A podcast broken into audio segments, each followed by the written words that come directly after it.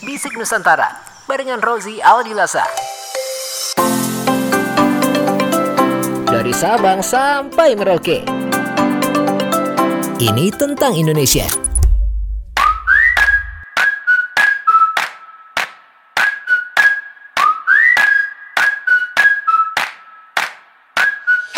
Halo teman Nusantara. Halo, halo semuanya. Rozi balik lagi nih di episode terbaru dari Bisik Nusantara. Gimana? Kabar lo gimana nih semuanya nih? Alhamdulillah sehat. Alhamdulillah. Mudah-mudahan semuanya dalam keadaan sehat walafiat ya. Amin. Kayaknya ya di masa-masa sekarang ini doa untuk selalu sehat-sehat aja itu kayaknya doa yang paling penting ya nggak sih? Kayak lo kalau ketemu orang gitu ya, kayaknya eh, nanyanya adalah bukan karir lo gimana, bukan kehidupan cinta lo gimana. Gimana bos? Sehat? Sehat?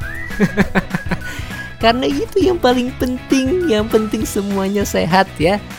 Mudah-mudahan semuanya dikasih satu apa ya satu eh, keseimbangan jiwa raga mental dan juga pikirannya dan yang terpenting adalah tetap waras teman Nusantara Oke, di episode Bisik Nusantara kali ini kita bakalan pergi ke timur Indonesia.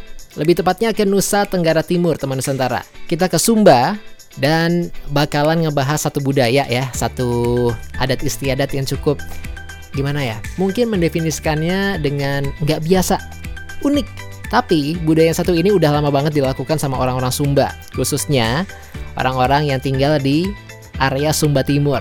Oke, siap ya? Kita terbang langsung. Yuk, kita ke Sumba.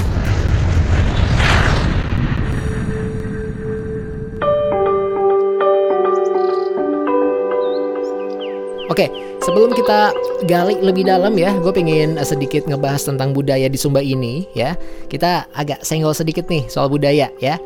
Dari banyaknya suku di Indonesia, Sabang sampai Merauke, udah pasti dong ya, adat istiadatnya bermacam-macam. Ada satu istilah yang gue pernah uh, dengar namanya adalah uh, kenisbian budaya. Apa tuh? Intinya gini, teman Nusantara. Dari banyaknya budaya yang ada gitu ya, misalnya di Indonesia nih, budayanya banyak. Oke, dari semua budaya itu, nggak semua itu bisa diterima atau bahkan disukai sama semua orang. Mungkin untuk warga lokalnya, untuk daerah yang uh, tempat tinggal budaya tersebut lah istilahnya, tempat asal atau originalitas dari budaya tersebut gitu ya, itu udah biasa. Orang udah melakukan itu setiap hari gitu ya, karena budayanya sendiri udah uh, terjadi berpuluh-puluh tahun lamanya. Jadi mereka nggak akan ngerasa aneh. Tapi buat orang-orang yang ada di luar populasi mereka yang ada di uh, luar daerah mereka gitu ya bisa jadi ini adalah hal yang aneh buat mereka unik nggak biasa atau mungkin beberapa ada yang bikin sebel atau bisa jadi marah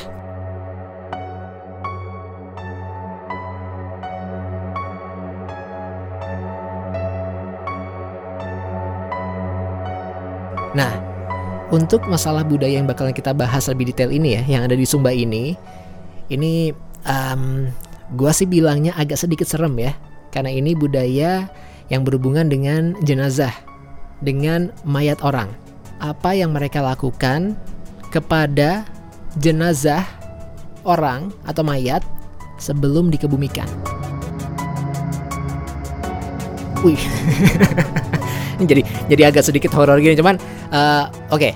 mungkin nggak yang horor-horor banget ya, karena ini ada tujuan dan alasannya. Jadi gini, orang Sumba ya, ini khususnya yang ada di Sumba Timur, teman Nusantara, itu punya sebuah keyakinan bernama Marapu, agama lah, agama mereka Marapu gitu ya, bisa kita bilang kayak gitu. Di mana mereka nih yakin ya, adanya sang pencipta, oke, okay, tapi sang pencipta ini melahirkan seorang laki-laki dan perempuan diturunkan ke bumi ya si laki-laki dan perempuan ini dan pasangan ini terikat satu janji dengan sang pencipta. Jadi janjinya adalah kalau mereka ini berdua ini ya, laki-laki dan perempuan ini suatu hari nanti mereka harus mati biar keturunannya bisa hidup dan berkembang biak. Maksudnya kayak gini nih, kalau mereka nggak mati nih, yang udah diturunkan oleh si sang pencipta ini ya ke bumi, binatang-binatang dan juga tumbuhan-tumbuhan yang ada di sekitarnya itu nggak bisa mati kalau binatang dan tumbuhan yang nggak bisa mati, nggak akan bisa dikonsumsi oleh uh, generasinya, generasi penerusnya. Nggak bisa hidup istilahnya, karena nggak ada makanan, nggak ada minuman. Makanya agar bisa terus berkembang biak, laki-laki dan perempuan yang diturunkan oleh sang pencipta ini harus mati. Nah, terus apa nih hubungannya sama budaya yang lagi bakalan kita bahas nih? Oke, jadi gini. Teman Nusantara harus tahu nih, ya. Kalau dulu warga Sumba itu sebelum mereka mengenal sistem penguburan jenazah ya, itu mereka ngeletakin atau naruh gitu aja mayat-mayatnya jenazah-jenazahnya ya di tempat-tempat tertentu. Ada yang di bawah pohon, ada yang di dalam rumah gitu ya. Nah, kebiasaan ini terjadi di zaman Proto Melayu tua ya. Di mana pada saat itu yang namanya besi belum masuk ke daerah Sumba. Jadi ibarat kata nggak bisa ngegali kuburan lah ya. Setelah masuk nih di zaman Proto Melayu muda, besi-besi udah banyak gitu ya udah bisa menggali kuburan, baru sedikit demi sedikit mereka belajar menggali lubang untuk mengubur jenazah. Ada tanda tanya di situ. Loh, terus apa hubungannya dengan cerita tentang keyakinan Marapu tadi? Mungkin nggak berhubungan erat banget, teman Nusantara. Tapi kita bisa lihat di sini ya, kalau keyakinan Marapu yang percaya generasi penerus itu bisa terus berlanjut apabila generasi sebelumnya mati, itu mungkin punya pengaruh nih ke dalam budaya menyimpan mayat yang berkembang sampai sekarang.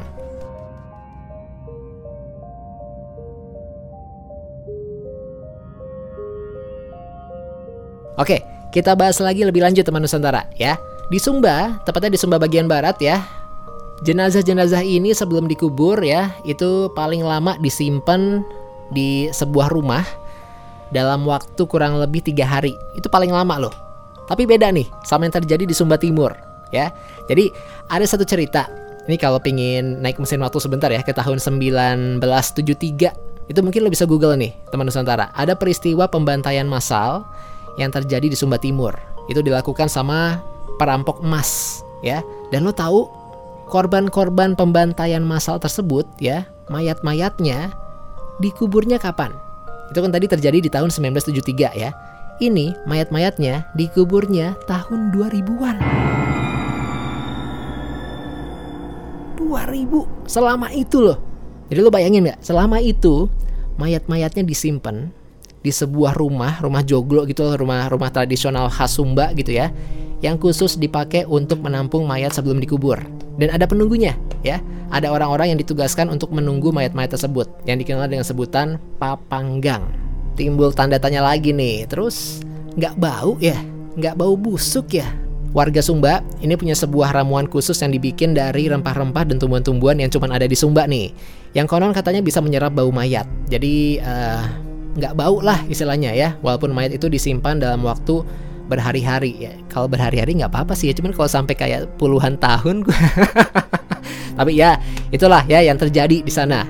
Dan ternyata nggak bau tuh pada saat mereka menggunakan ramuan ini. Atau ada juga nih teman Nusantara yang uh, mereka pakai kain-kain khas Sumba gitu ya, di mana kainnya ini dibikin dari bahan-bahan dasar dari tumbuhan-tumbuhan yang cuma ada di Sumba dan bikin mayat itu nggak bau. Pertanyaan lagi. Sebenarnya jujur ini banyak tanda tanya ya kalau kita dengerin episode kali ini di Bisik Nusantara. Cuman ya itulah serunya budaya-budaya di Indonesia. Pertanyaan berikutnya adalah emang apa alasan mereka? Kenapa nih Kenapa mereka harus nyimpen jenazah-jenazah itu? Kenapa nggak langsung dikubur? Jadi teman Nusantara ya, pas proses penguburan itu kalau dari uh, adat istiadat mereka lah, adat istiadat orang Sumba gitu ya, semua keluarga besar tanpa terkecuali itu harus datang, harus bisa datang dan nyaksiin, ngeliat bahwa yang bersangkutan ini beneran udah meninggal. Jadi bukan bukan hoax gitu ya. Jadi semua keluarga, semua anggota keluarga harus tahu kalau beneran udah meninggal, harus ada buktinya. Dan selain itu, ini juga karena alasan ekonomi nih, Hah? Alasan ekonomi, iya. Karena proses penguburan jenazah ini nggak gratis. Ini butuh biaya ya. Dan keluarga yang bersangkutan biasanya karena nggak punya uh, budget, nggak punya dana, nggak punya uang, mereka harus ngumpulin dulu tuh dananya untuk bisa mengubur sana keluarganya ke liang lahat dan proses itu membutuhkan uang. Jadi pada saat mereka mencari uang dulu untuk mengubur uh, kerabatnya, ya udah jenazahnya disimpan dulu.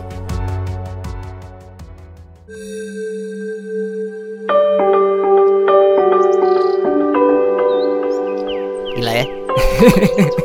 gue selalu gue selalu uh, terkagum-kagum pada saat gue nyari materi tentang apa sih yang unik dari Indonesia, makin gue cari, gue makin terkagum-kagum sama negeri kita tercinta ini, teman Nusantara. Ya, mudah-mudahan episode-episode di Bisik Nusantara ini bisa bikin kita membuka mata, ya, kalau Indonesia itu segitu kayaknya.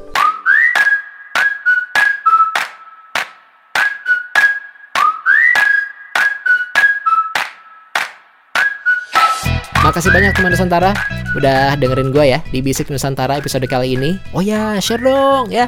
Share dong podcast ini ya biar bisa didengerin sama semuanya. Biar semua orang tahu betapa kayanya negeri kita tercinta ini, Indonesia. Asik. Sampai ketemu lagi ya teman Nusantara di episode berikutnya di Bisik Nusantara.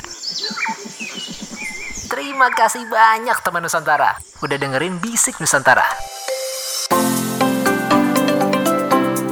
Gue Rozi Adilasa, kita ketemu lagi lain waktu ya.